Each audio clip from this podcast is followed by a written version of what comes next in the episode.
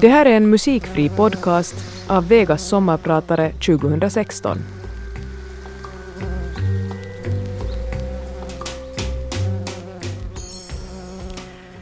Jag ligger raklång i soffan på glasverandan. Sätter upp fötterna på ryggstödet. Ögonlocken blir tunga av molnen som skyndar över himlen. Grått regntunga nuddar de verandans glastak. Blåvitt fjäderlätta sträcker det sig mot solen.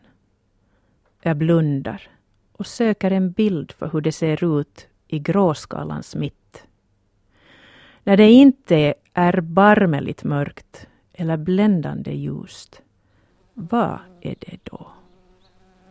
Jag heter Barbro Teir och jag är din sommarpratare idag.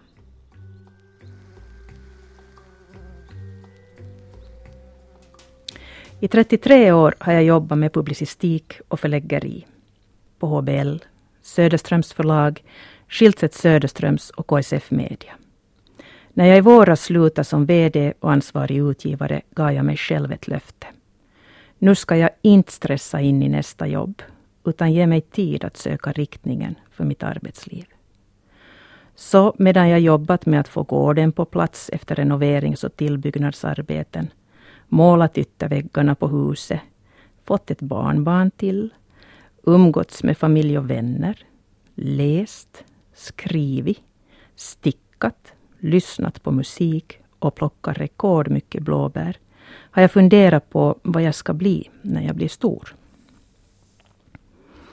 Ett sätt att processa existensen är att måla tavlor.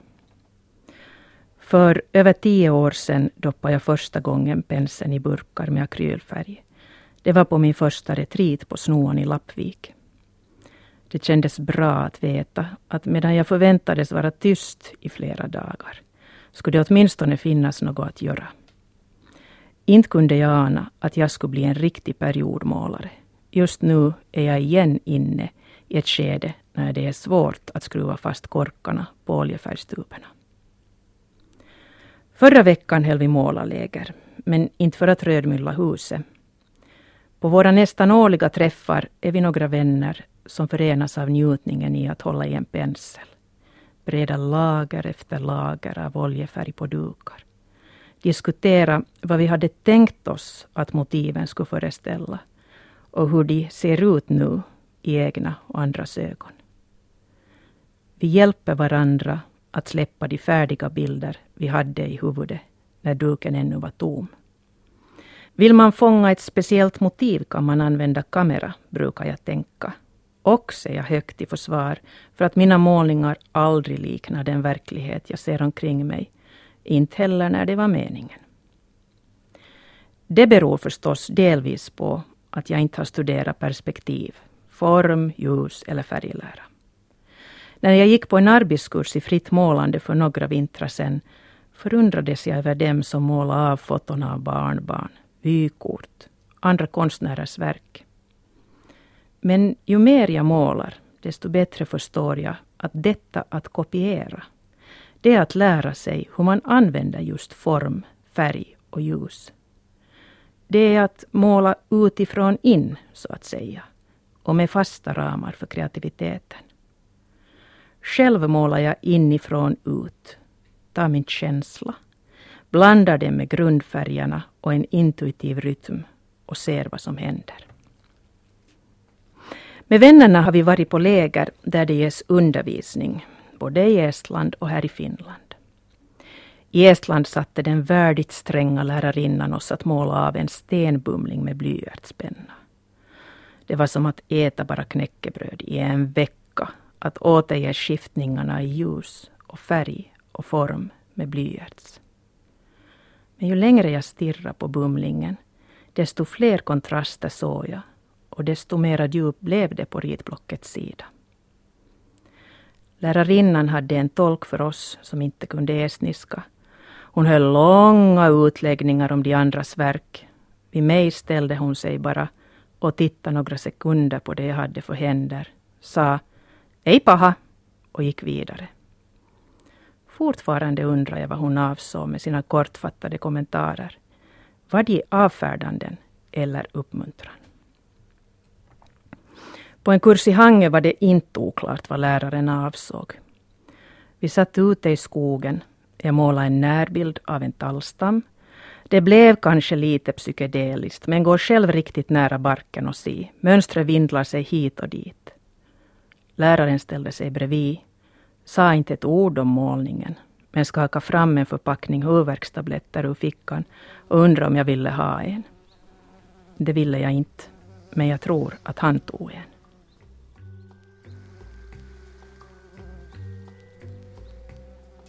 Målarlägret hemma hos mig i Borgo förra veckan inleddes med att en av vännerna, en professionell konstnär som för en stund slet sig från arbete med att färdigställa verk för sin utställning på Galleri Ava i Helsingfors i september, satte igång processen.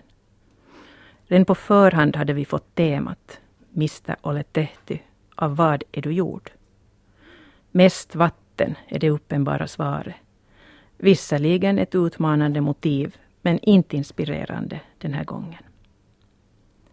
Veckorna före lägret dök två bilder upp i mitt huvud. Den första bilden är förskräcklig. Det är den brunn som jag ibland dras ner i. Tyngdkraften tar tag om fötterna. Ilningar av skräck och förtvivlan går genom kroppen när jag sjunker neråt. Mörkret är kompakt. Ensamheten total. Allt hopp är ute. Syre hotar ta slut. Lamslagen hoppas jag att det är botten jag nått. Ångesten har en orsak och den går över av sig själv. Men av brunnens råkallt ekande mörker är jag gjord, oberoende av om jag vill det eller inte. Den andra bilden är helt annorlunda. Det är sommar på 1960-talet. Vi bor ute på villan, som man ju säger i Österbotten, och som det här gamla stallet som pappa kört upp från sin hemby Kök utanför Kristinestad till Holmen i Vasa skärgård. På arrendetomten utgjorde stomme för stugan där jag har mina djupaste rötter. Nu är jag fyra, fem år. Har som vanligt vaknat före resten av familjen.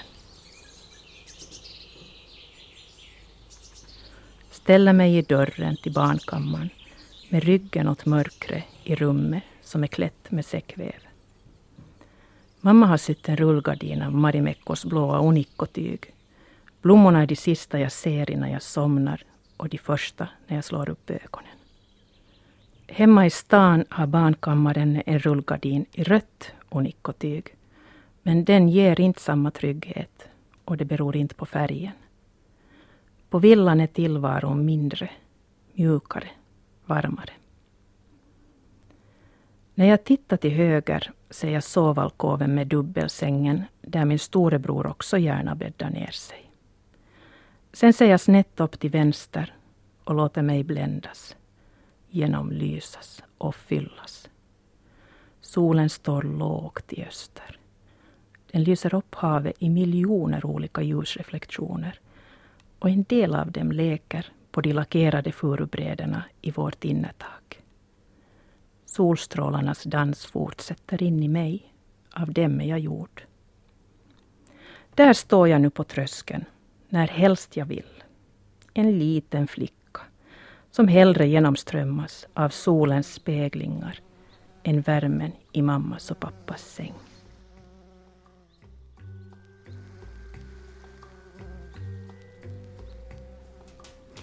Jag heter Barbro Teir och berättar i dagens sommarprat om hur jag sökte fram motiv för mitt målarläger förra veckan. Tema var Av vad är du gjord? Och de två första ingredienserna, mörker och ljus, lät sig ganska enkelt kläs i form och färg. Svårare var det med den tredje. Fördelen med att måla hemma med goda vänner är att ingen undrar varför man plötsligt lägger sig ner med benen i vädret och sluter ögonen. Det kan gå en kvart. Det kan gå en timme. Två. Jag tömmer mig på tankar med den meditationsteknik jag lärde mig ett par år efter att jag började måla. Låter tomheten fyllas av närvaro. Det som dyker upp i hjärnan, hjärta, magen, det får komma. Fråga mig själv vad det är som bär mörkret och ljuset. De två ytterligheterna, djupaste mörker och klaraste ljus, är trots allt ytterligheterna på livets gråskala. Oftast är tillvaron mer dämpad. Hur ser den ut då? Tankarna söker sig tillbaka till en av de många resor jag gjorde i ungdomen. Innan jag fick mitt första barn som 22-åring hann jag interraila kors och tvärs över Europa många gånger. Besöka Kuba, Sri Lanka, Maldiverna, Tunisien. Senare blev det Thailand, Nepal, New York. Men när jag nu ligger i gråskalans mitt och försöker avbilda hur den ser ut är det i minnen av en speciell resa jag landar.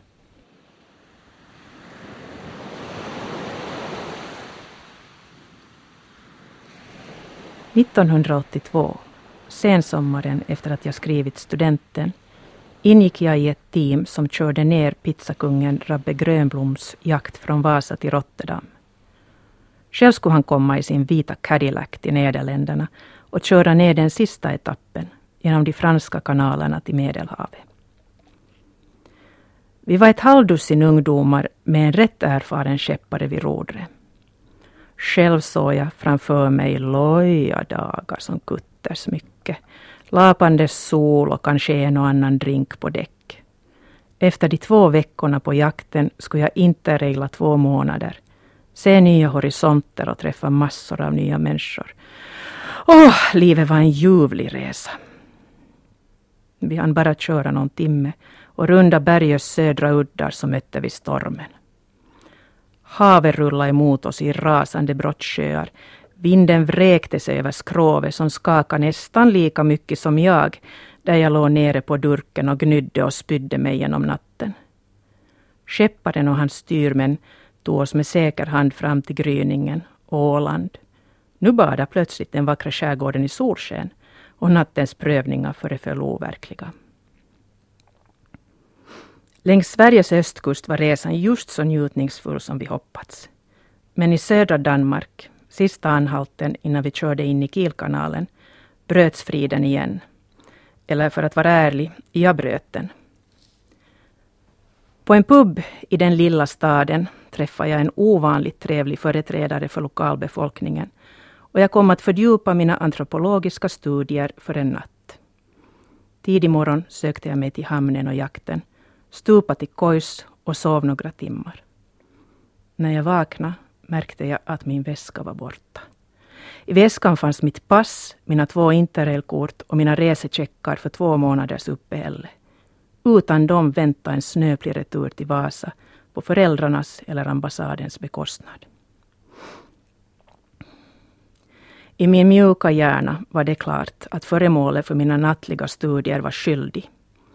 Så mycket för den danska gemytligheten tänkte jag besviket och satte mig på tåget till ambassaden i Köpenhamn. Därifrån ringde jag hem till pappa som lovade fixa hem mig med hjälp av ambassaden. Jag satte mig på tåget tillbaka till södra Danmark för att packa ihop min ryggsäck. På jakten möttes jag av mina vänner som såg oförskämt glada ut. Tänk att det är så skönt att bli av med mig, hann jag tänka innan jag såg den.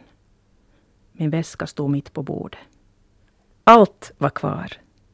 Den unga man jag tänkt så illa om hade sökt upp jakten när han hittade väskan på förmiddagen, blivit bjuden på något gott att dricka som tack innan han skyndade vidare till sitt jobb. Jag kände mig som den fullblodsidiot jag var. En väldigt lättad fullblodsidiot.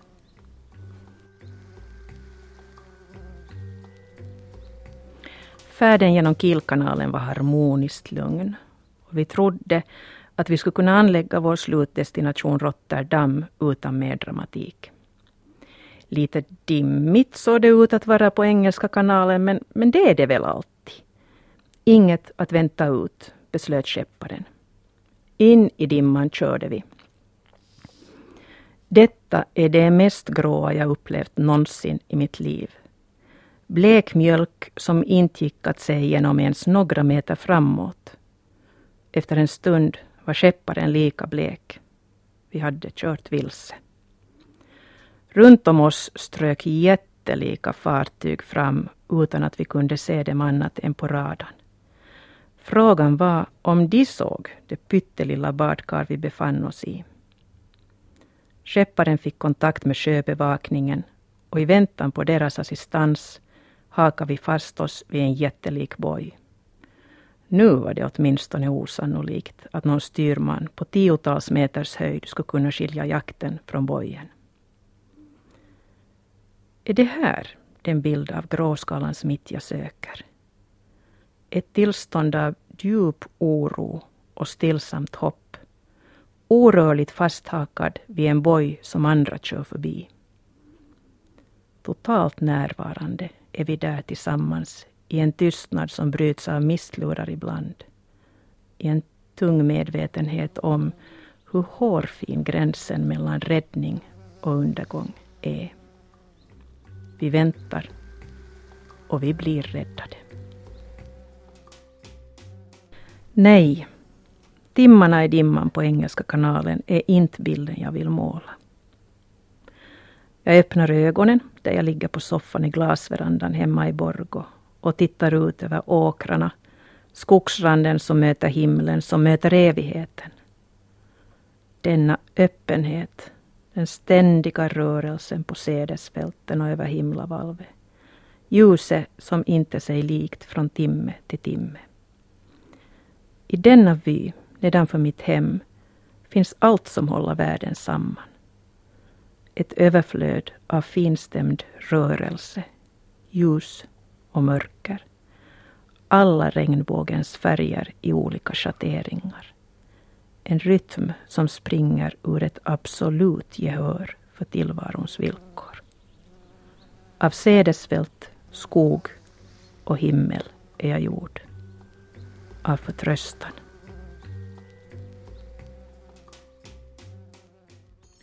Jo, jag målade en serie av tre små dukar på målarlägret förra veckan. Brunnen, landskapet, solspeglingarna är helt olika men förenas av en ljusblå färg som inte tidigare varit min.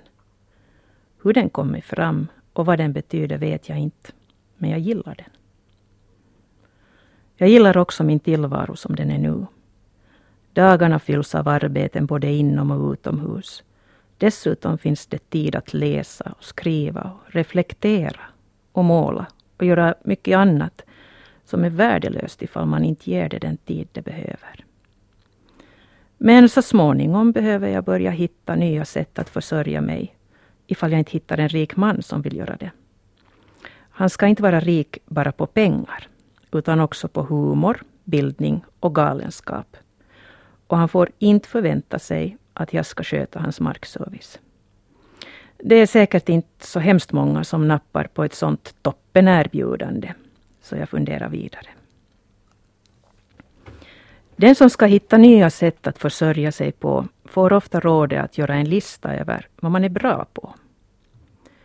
Nu håller jag på med den listan.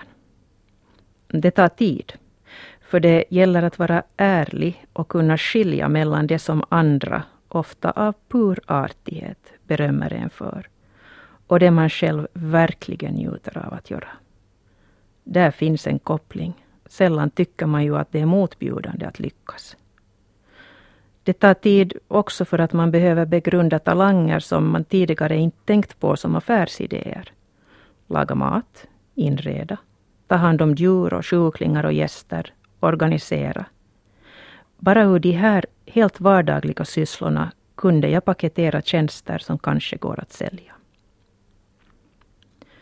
Sen när listan började kännas komplett började det systematiska arbetet med att skanna omvärlden för att se hur mina erfarenheter och kompetenser möter efterfrågan hos kunder och arbetsgivare. Statistiskt sett ligger jag förstås risigt till. Kvinnor över 50 har inte lätt att få anställning på dagens arbetsmarknad. Dels därför, men också för att jag skulle vilja ha en större frihet, drömmer jag om att bli entreprenör. Att skapa min egen arbetsbild och ha många uppdragsgivare på olika områden. Just nu är jag mer entusiastisk än orolig. Med god tur har jag 10-20 livskraftiga år framför mig i förvärvslivet. Det känns viktigare än någonsin att använda dem till något som åtminstone inte gör världen sämre. Som riktigt ung trodde jag att ordet kunde förändra världen. Det var orsaken till att jag sökte mig till journalistiken. Nu drunknar vi i ord, ofta hårda, hatiska eller menlösa och förutsägbara. Visst tror jag fortfarande på ordets makt, men har alltmer börjat uppskatta handens förmåga att ge lindring, hopp och kraft. Sånt tänker jag på de här augustiveckorna medan jag målar huset klart, radar in ved för vintern och plockar säsongens sista blåbär.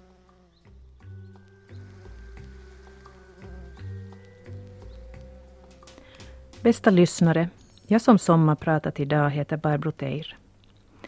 Nu håller tiden på att ta slut utan att jag kommit med några avslöjanden om spelet bakom kulisserna på KSF Media och andra fondägda bolag. Jag har inte ens än en gång lagt ut texten om hur allvarligt jag tycker det är att det offentliga rummet på svenska i Finland hotar krympa snabbare än dagstidningarna förlorar prenumeranter. Vi behöver aktörer som har mod, uthållighet och finansiering att skapa nya digitala svenska rum med annat innehåll än traditionell papperstidningsjournalistik. Inte heller om min egen framtid verkar här bli några nyheter. Det börjar luta mot att jag inte är speciellt intresserad av att bli något när jag blir stor. Det lutar mot att jag tänker gå vidare i de banor där jag kan vara den jag är. Sånt är föga rafflande med tanke på medial logik, men det mest spännande jag kan tänka mig. Nej, nu är det bara att önska en god fortsättning på sommaren. Den tar inte slut för att semestrarna och skolloven och sommarpratarna så småningom gör det.